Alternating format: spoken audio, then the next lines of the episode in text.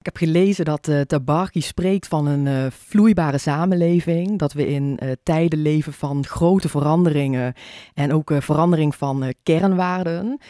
Um, in dat verband zou ik hem de vraag willen opwerpen of onze rechtsstaat in deze vloeibare samenleving, of die nog wel functioneert. En hoe innovatie in positieve zin hieraan kan bijdragen. Dit is de Amsterdam Law Hub podcast, een podcast over innovatie binnen het recht. Mijn naam is Koos Tervoren en het is goed dat we over innovatie gaan praten, want we mogen toch wel zeggen, het recht is een tikkeltje conservatief. Dus schakelen we de hulp in van echte innovators van binnen en buiten de sector. En dat is ook de rol van de Amsterdam Law Hub, die je overigens vindt bij de rechtenfaculteit van de Universiteit van Amsterdam. De Law Hub is een matchmaker voor noodzakelijke vernieuwing binnen het recht. En in deze aflevering praat ik met Farid Tabarki, tijdgeestonderzoeker van beroep. Zeker. En ja, je hoorde het al in de intro, uh, uh, Farid, uh, de hoop van Jill Verstegen, sociaal advocaat en de hele sociale advocatuur rust op jouw schouders. Ach, dat worden zware 20 minuten. Je de verantwoordelijkheid? ja. Maar goed, komen. Je, hebt, je hebt een plan bedacht, uh, of je hebt in ieder geval een, een inzicht over hoe jij de sociale advocatuur zou willen vernieuwen. Ja. Uh, daar komen we zo op. Uh, maar eerst even over jouw beroep of je functietitel. tijdgeestonderzoeker vind ik toch wel interessant. Wat doe je dan precies? Ja, wat doe je dan? het zit allemaal in, in de groep zo trendwatching, futurisme. ik vind tijdsgeestonderzoek zelf een mooi woord, want mijn bureau heet Studio Zeitgeist.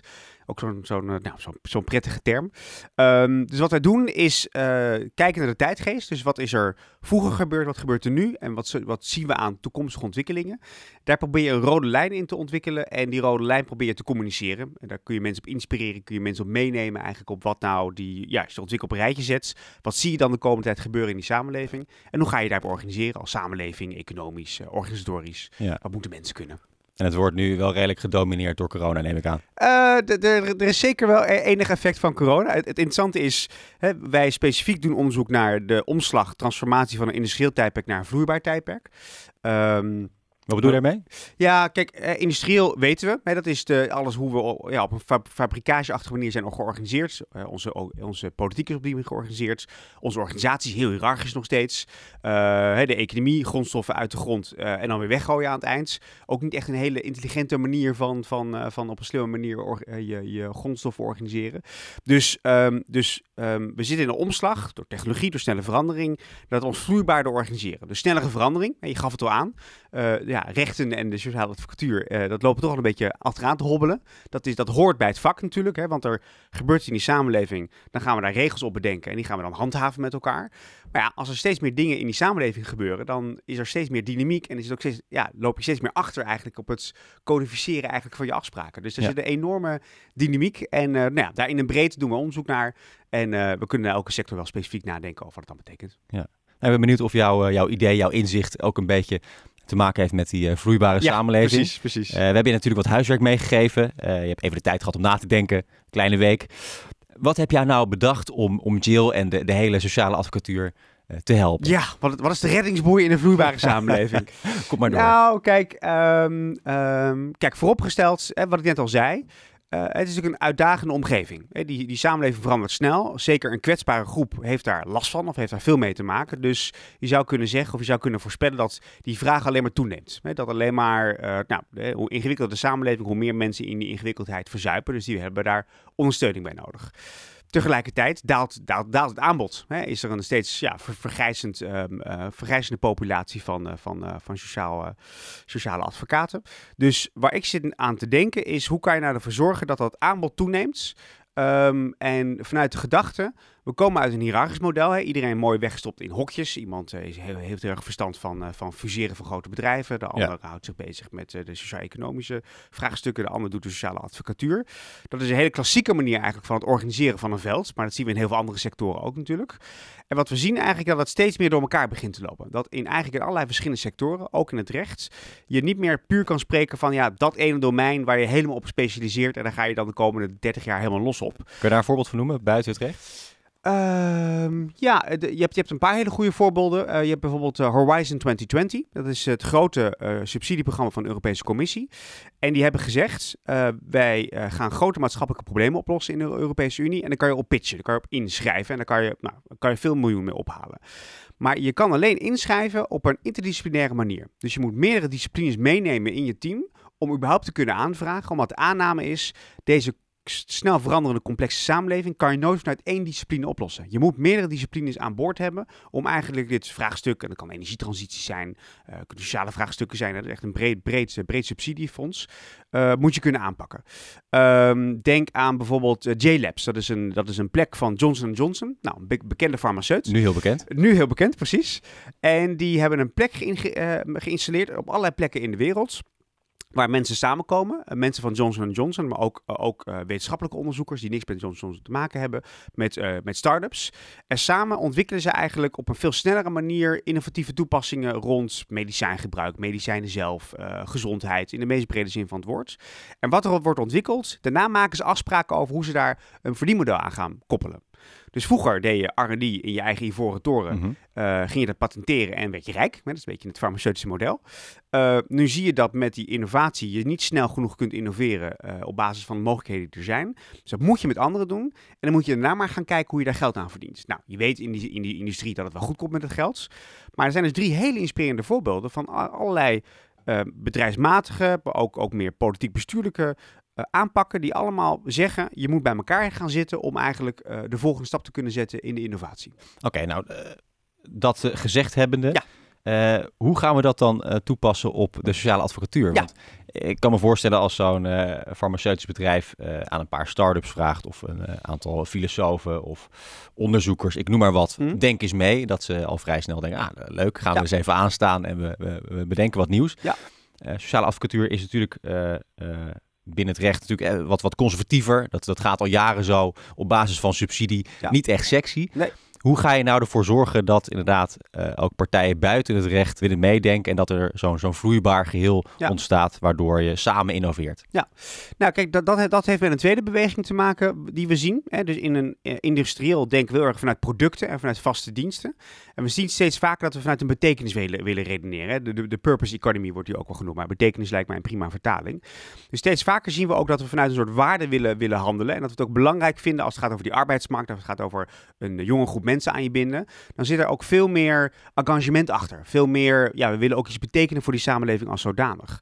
Nou, als je die nou combineert daar meer vanuit netwerken denken en dat mensen ook steeds vaker vanuit een betekenis willen redeneren. Er is een hele grote groep mensen in de advocatuur volgens mij die wel degelijk iets wil bijdragen aan sociale advocatuur, maar niet fulltime en ook niet elke dag eh, altijd. En dan hebben we het gewoon over advocaten op de Zuidas werken op Bijvoorbeeld, grote... bijvoorbeeld er zijn natuurlijk enorm veel advocaten, dan wel gepensioneerd, dan wel opkomend, dan wel in advocatenbureaus, dan wel voor zichzelf Die zijn natuurlijk op een veel intelligente manier kunnen poelen met elkaar. Hè. Eh, Denk aan een Airbnb of een Uber. Iedereen heeft een auto, eh, iedereen heeft een huis. En waarom zou je niet af en toe die auto of af en toe die, dat, huis kunnen inzetten voor verhuur? Eh, dan wel omdat je zelf aan de auto rijdt, maar of dat je die auto aan een chauffeur verhuurt. Of dat je je huis voor een maandje vuurt omdat je het geld kan gebruiken of dat je ergens een vakantiewoning hebt staan. Dus waarom zou je niet dat talent wat aanwezig is in Nederland rond advocatuur ook niet op een intelligente manier samenballen? En dat je zegt van, nou ja, die kantoren die, eh, die eh, hebben ook behoefte aan een nieuwe generatie aan zich binden. Daar zit waarde en betekenis ook een rol in. Dus waarom zou je niet als kantoor met elkaar zeggen, wij, wij bieden onszelf aan op zo'n type platform eh, op een aantal uren per week. of een aantal mensen die zeggen van, hier zijn we heel goed in. Want je, je, je, bouwt ook kennis op, dat begrijp ik ook wel. Dus Ja. hè, een, beetje, een beetje repetitief, iets waar je goed in bent, opnieuw weer inzetten lijkt me handig. Maar die matches zijn zo makkelijk te maken tegenwoordig. Dat, dat je Ja. dat volgens mij via, via een platform, Ja. via een netwerk, online netwerk, eh, heel goed die, dat vraag naar het aanbod eigenlijk op een veel intelligentere manier kunt organiseren. Omdat we nu heel beperkt naar het aanbod kijken. Hè, gewoon de traditionele sociale advocatuur. Als we dat op een hele andere, eh, echt, echt op een andere manier benaderen, dan is er volgens mij veel meer aanbod mogelijk op Ja. basis van de vraag die er is. Een heel interessant idee, zo'n zo'n platform, eh, de Airbnb van de sociale advocatuur. Ehm, maar wat Jill mij ook vertelde, is, is dat veel van die eh, mensen die eh, daadwerkelijk eh, hulp nodig hebben van een sociaal advocaat, niet zo heel erg tech-savvy zijn. Hè? Dat zijn dan mensen die eh, misschien op straat leven Ja. of überhaupt geen internet hebben, geen smartphone. Ja. Hoe ga je die mensen dan koppelen aan die advocaten die het dan op dat- Airbnb aanbieden? Dat is een hele goede vraag. Hè? Dus wat je, dan, wat je dan gaat zien, is als we dat, als we dat probleem hebben op, opgelost, hè, dus we vergroten het aanbod, waardoor we, waardoor we beter, beter kunnen, kunnen matchen, dan moet je er volgens voor zorgen dat mensen daarmee in aanraking komen. Maar dan is de vraag, wie zijn taak is dat? Uh, zou je niet kunnen zeggen dat uh, gemeentelijke overheden Um, op basis van hun eigen politieke prioriteiten in hun gemeente zeggen van ja, wij vinden het een belangrijk onderwerp. Wij, wij investeren in dat die match wordt gemaakt. Dus niet in de advocatuur zelf, want dat hebben we natuurlijk allemaal via de nationale overheid geregeld. Maar ja, weet je, waarom moet je alles nationaal doen? Waarom zou je niet als gemeente je inzetten voor, voor de kwetsbaren, degene die dat, die nodig hebben, en daar met een, een range partijen, misschien ook wel de grote advocatenkantoren die, die in, je, in je gemeentelijke grenzen zitten, dat je zegt van ja, er is ook budget nodig om precies wat jij terecht aangeeft, de match te maken tussen um, dat online platform en, en dat, dat die vraag ook wel terechtkomt bij het online platform. Ja, ja. Uh, maar daarvan vraag ik me af, moet je dat nou traditioneel binnen je eigen hokje, binnen je eigen hiërarchische kolommetje bekijken? Of zijn er ook andere manieren om eigenlijk uh, mensen te wijzen op deze uh, nieuwe manieren? Want je hebt helemaal gelijk, er zijn heel veel mensen die juist niet tech-savvy zijn. Maar ja, er zijn heel veel mensen die hun kunnen helpen bij het vinden van de juiste match in, in het grote aanbod. Ja. En het vergt dus een vrij intensieve samenwerking tussen overheid en bedrijfsleven. Ja, Tussen de kantoren en de gemeente? Ja, precies. Nou goed, ik, ik, ik, moet zelf als eerste aan de gemeente denken. Omdat je gewoon ja, ziet dat er sommige gemeenten dit uh, na hun hart gaat. En dat belangrijk vinden om voor te doen. Dan krijg je natuurlijk wel iets van rechtsongelijkheid binnen Nederland. Omdat er misschien ook gemeenten zijn van ja, weet je, platform is er, zoek het maar uit. Weet je het is er, dus dan moet je maar je, eigen problemen oplossen. Nou, ook een politiek manier van naar de wereld kijken natuurlijk. Dus dat kan je, dat, dat, ik weet niet of je dat gelijk kan trekken. Je kan ook een nationaal platform maken, maar het lijkt me minder effectief. Volgens mij kan je in elke gemeentelijke regio, uh, en misschien is geen gemeentegrens, maar een regionale samenwerking, uh, kan je volgens mij het beste aanvoelen wat er voor die type bevolking goed matcht. Hè? Ik denk dat in die zin het moeilijk is om iets over één kamp te scheren. En dat is ook een beetje die vloerbaarheid. Ja, niet meer één one size fits all, weet je, één model voor iedereen maar uitrollen. Ja. Maar ga veel specifieker kijken naar een mooi aanbod, gecentraliseerd uh, online. Maar dan, heel, dan de match uh, juist regionaal ja. maken. En volgens mij kan je dan heel goed, heel goed aansluiten. Ja. Nou, een vloeibaar geheel dus, met heel verschillende partijen. Maar wie moet het initiatief nemen? Ja, wie moet initiatief dus nemen? Iemand moet zeggen, we gaan dit doen. Uh, ja, nou ja. Is het dan de minister of is het toch meer lokaal? Um, of nou, moet het vanuit de kantoren zelf komen? Nou, kijk, weet je, wat, weet je wat leuk is van deze tijden? Zeker met die online platforms. Je kunt gewoon beginnen tegenwoordig. Uh, dus volgens mij moeten we het niet super ingewikkeld maken. Moeten we het ook niet helemaal op gaan pompen tot een soort, soort, uh, soort monstrum. Waardoor je drie jaar lang met IT-ellende bezig bent. Uh, volgens mij moet gewoon iemand starten. dat, kan, dat kunnen een paar bureaus zijn met een aantal sociale advocaten en een gemeente die zeggen van, nou, wij, wij, wij geloven hierin en we gaan, we gaan aan de slag.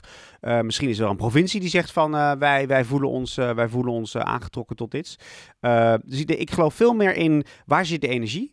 Uh, waar zitten misschien ook de grootste noden op dit moment? Um, uh, en die noden kunnen divers zijn. Hè? Ik denk dat heel veel advocatenkantoren wel zitten te struggelen met... ja, hoe houden wij nou dat, dat talent binnen? Want het talent wil zich ook ja, maatschappelijk geëngageerd uh, iets toevoegen. Maar dat, die, dat, dat, lukt niet binnen ons, onze huidige wil ook constellatie. maar we nee, willen ook geld verdienen. Dus het gaat over de, over de match. Daarom denk, geloof ik ook heel erg dat je je tijd over verschillende um, op verschillende manieren wil, uh, wil, wil, wil ondersteunen. Maar ik denk dat voor een aantal bureaus het heel interessant is om hier voortrekker in te zijn. Omdat ze daarmee ook weer tegen dat nieuwe talent kunnen zeggen van ja, weet je, als je bij ons zit, dan is er ook een maatschappelijke meerwaarde wat je bij ons ja. komt leveren. En ik denk dat dat zeker in die, uh, nou ja, in die strijd om het goede talent een enorme meerwaarde kan zijn voor die partijen die dat op, op tijd inzien. Ja, ja, ja.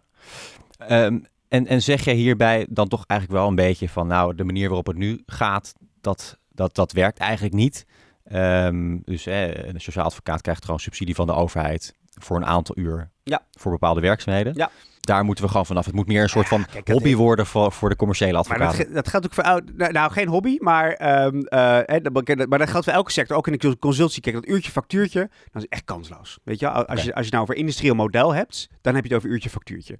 Nou, dat geldt ook voor de hele advocatuur eh, over, over het algemeen. Vaak dat, dat ze op die manier werken. Dus dat hele model van, uh, van ja, weet je, gewoon uren schrijven. Daar zie je al steeds meer uh, kantoren, of het nou sociale advocatuur of niets, mee struggelen. Van, hè, werkt dat nou nog? Uh, leveren we nou de dienst die we moeten leveren? Dus steeds vaker, ik werk zelf ook bij voorkeur op die manier, dat je gewoon nadenkt van, wat moet ik nou opleveren? Hè, wat is nou uiteindelijk, welke kwaliteit ga ik opleveren en op welke manier? Uh, en vervolgens een bepaalde deadline. En natuurlijk zit er wel een idee achter hoeveel tijd je er ongeveer aan besteedt. Maar het gaat erom dat je een, een kwalitatieve dienst levert. En dat je daar elkaar afspraken over maakt van hoe je dat dan met elkaar afrekent. Dus ik denk ook dat heel het verdienmodel, hè, met, met inderdaad een aantal ta taakuren die dan per, per, per onderwerp uh, beschreven staan. Omdat we zien dat de complexiteit toeneemt. Hè, die uren kloppen al niet eens, weet je, met wat je erin stopt nee. en wat er wordt nee. gevraagd. Dus we zien steeds meer een mismatch tussen dat industriële manieren van organiseren, waar dit ook een voorbeeld van is, en hoe die wereld echt functioneert. Ja, dat klopt op een keer. Weet je, op een gegeven moment, maar dat zien we natuurlijk nu al, alleen mensen zijn zo geëngageerd dat ze maar zo lang mogelijk volhouden, want het, ze willen er voor die mensen zijn. Maar op een gegeven moment wel een knop om, moet je zeggen van ja, maar je moet het, we gaan het nu echt een keer anders organiseren. Nou, dat, dat, dat is waar ik nu bij de studio ook onderzoek naar doe, is precies die transformatie. Wanneer laat je het ene los en wanneer ga je het nieuwe doen? Uh, ja, wanneer doe je dat? Nou, corona heeft geholpen. We hebben veel losgelaten de afgelopen maanden, want we moesten wel. Um, dus op een gegeven moment moet het zo erg zijn dat, dat je op een gegeven moment zegt van ja, maar nu kan het echt anders. Uh, en dat kan vanuit Silicon Valley komen, omdat het anders kan. Omdat er eh, slimme types het vernieuwen. Helaas alleen maar in Silicon Valley, maar goed. Uh, ook hier bij de Hub in Amsterdam, waar ja. ook heel veel, heel veel wordt gestart. Dus dat is een, dat, dat, is een mooie toevoeging. Um, en, en gewoon maatschappelijke urgentie. Dat het gewoon echt niet meer anders kan. En dat we dan onszelf gaan herorganiseren. Maar dat is vaak wel heel laat. Ja, en hoe staan de jongeren erin, de studenten? Heb je daar een idee van? Uh, Want je nou, zegt purpose, het verhaal van bedrijven is natuurlijk tegenwoordig heel belangrijk. Ja. Het ligt terug bij de bedrijven, maar zien jongeren dat ook zo? Nou, kijk, de jongeren vind ik altijd een ingewikkelde vraag.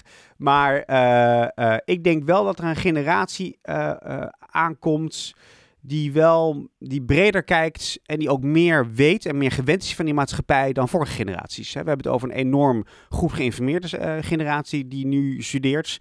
Een enorm genetwerkte generatie van zichzelf al, door, door de online media, maar ook, uh, nou, je zou maar in deze omgeving ja. zitten toch, hier in Amsterdam bij ja. zo'n hub. Dan zie je eigenlijk al wat er allemaal mogelijk is aan verbindingen dat was natuurlijk vroeger niet. Hè? Als je gewoon op je faculteit in je hokje zat en je ging daarna weer dus ademen platforms. Ja, precies, ja. ademen platforms. Dus, dus de, de logica van op die manier werken, ik denk dat dat heel natuurlijk overkomt. En dat het veel meer het vraagstuk is, hoe kan die...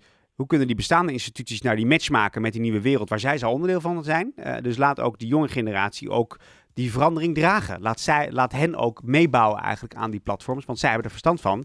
Heeft waarschijnlijk ook nog een keer dan positieve impact op de rest van je business, hè, als, als gewone uh, advocatenkantoor. Ja. Dus eigenlijk zou het gewoon hier moeten beginnen, bij de hub. Met uh, de studenten. Het, zou... Ja, overigens gestudeerd heb je in Amsterdam. Zeker, zeker. Je bent, je weer thuis, thuiswedstrijd. Ja, nee, ja. totale thuiswedstrijd. Uh, dit, dit, lijkt me een hele natuurlijke plek om misschien in die mooie agora die, die, die ik net oh, zag, om eens wat mensen te verzamelen. Om daar eens wat dieper over door te denken. Ja, nou, bij deze dus een uitnodiging. Wil je erbij zijn dan? Absoluut. Oké, okay. nou, dat staat genoteerd. Ja, het moet misschien wel in de Amsterdam Law Hub gebeuren. Maar natuurlijk niet zonder goedkeuring van Irene Koel, de innovatiestratege die verbonden is aan de Hub. Even bellen. Hey Irene. Hey Koos. Daar ben ik weer. Laatste keer deze serie van drie over de sociale advocatuur. Gaat snel zo, toch? Ja, dat gaat goed. Het, uh, volgens mij uh, heb je leuke gesprekken. Zeker, ja, dat, uh, dat vliegt voorbij op deze manier.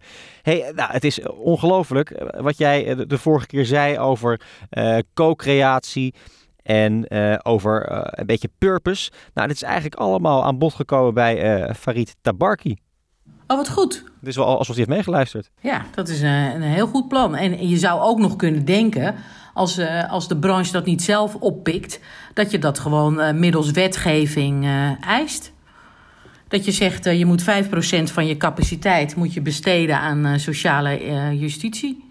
Ja, ja want de vraag is natuurlijk wel, hè, ze roepen allemaal purpose. Hè? Dat is een beetje een beetje modewoord geworden. Maar gaat het ook uit hen zelf komen, denk je? Ja, dat is natuurlijk altijd. Iedereen heeft daar. Voordat je het weet, is het greenwashing. He, ze willen het. Maar het, want je moet het ook dan wel echt doen. En, uh, maar het kan wel een enorme profilering. Hè. Wees dus Tony Chocoloni van de, van de advocatuur. Hè, waar je fair trade justice gaat introduceren. En dat je, ja. dat, dat je dat inderdaad op een, op, een, op een heldere, transparante manier doet. Ja, dat kan natuurlijk. Uh, en als je dat ook nog een beetje met digitalisering. Uh, uh, snel maakt, ja, dan kan je je daarmee wel profileren. Want uh, ja. daar is toch wel behoefte aan, denk ik. Ja, en op zich is daar toch niks mis mee, hè? Als, als ze een beetje goed doen, die kantoren, en daar ook nog uh, een goede uitstraling mee krijgen. En dat het statusverhogend is. Daar is toch niks mis mee? Nee, dat is helemaal niet. Als het, als het maar, weet je, als het maar waarachtig is. Als het gewoon uh, uh, echt waar is. Uh, want anders prikt iedereen daar heel snel doorheen. En voordat je het weet, heb je zit je in de pers op hele andere uh, systemen. Ja. Zit je heel ja. anders te kletsen. Dus je moet het gewoon wel echt doen natuurlijk. Maar ik kan me niet voorstellen dat de mensen in een, uh, in een advocatenkantoor dat niet leuk vinden om te doen. Want het is gewoon wel heel divers werk. Dus ik denk niet alleen dat het is voor je eigen, hè, om je eigen veren op te poetsen. Maar dat het je ook gewoon heel erg goed doet Uh, dat je zulke mensen, hè, andere mensen helpt, diversiteit daar ook in, andersoortige zaken. Dan word je volgens mij ook, uh, dan krijg je zin in en het geeft ook zin. Ja, volgens mij krijg je er zelf ook een beetje zin in, of niet?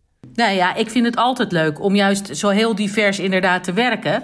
En weet je, het, is heel, het maakt je ook heel bescheiden als je af en toe eens uh, werkt in hele andere branches. En ook voor mensen die het een heel stuk minder hebben, dan word je enorm met je neus op de feiten gedrukt. Dus dat houdt je ook, houdt je ook gezond. Ja, hey, uh, wie moet dat faciliteren? Toch wel de overheid? Nou ja, je kan het dus middels die overheid doen, hè, als, als, je, als ze het niet uh, gaan doen. Maar ja, die overheid, weet ik ook niet precies of dat gaat lukken.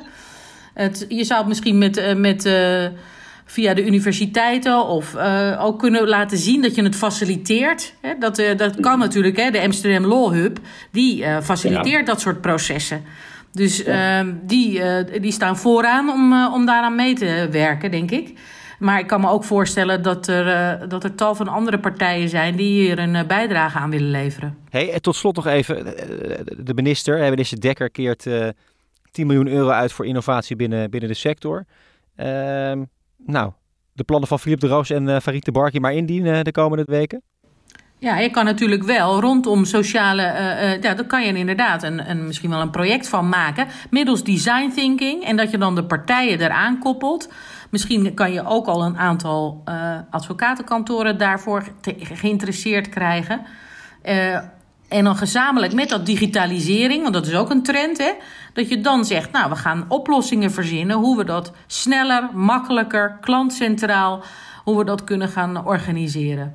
Dus ja, je kan het altijd, ik zou het pitchen. Ja. Heb je goede hoop over vijf jaar een, een bruisende en een gezonde sociale advocatuur? Ja, nou ja, ik vind uh, het is. Uh, het, het moet. Het moet. Want we ja. zitten in een te rijk land. Dat kan je niet maken. Dat er dan uh, zoveel mensen dan niet worden geholpen. Dat kunnen we niet maken. Zo is dat.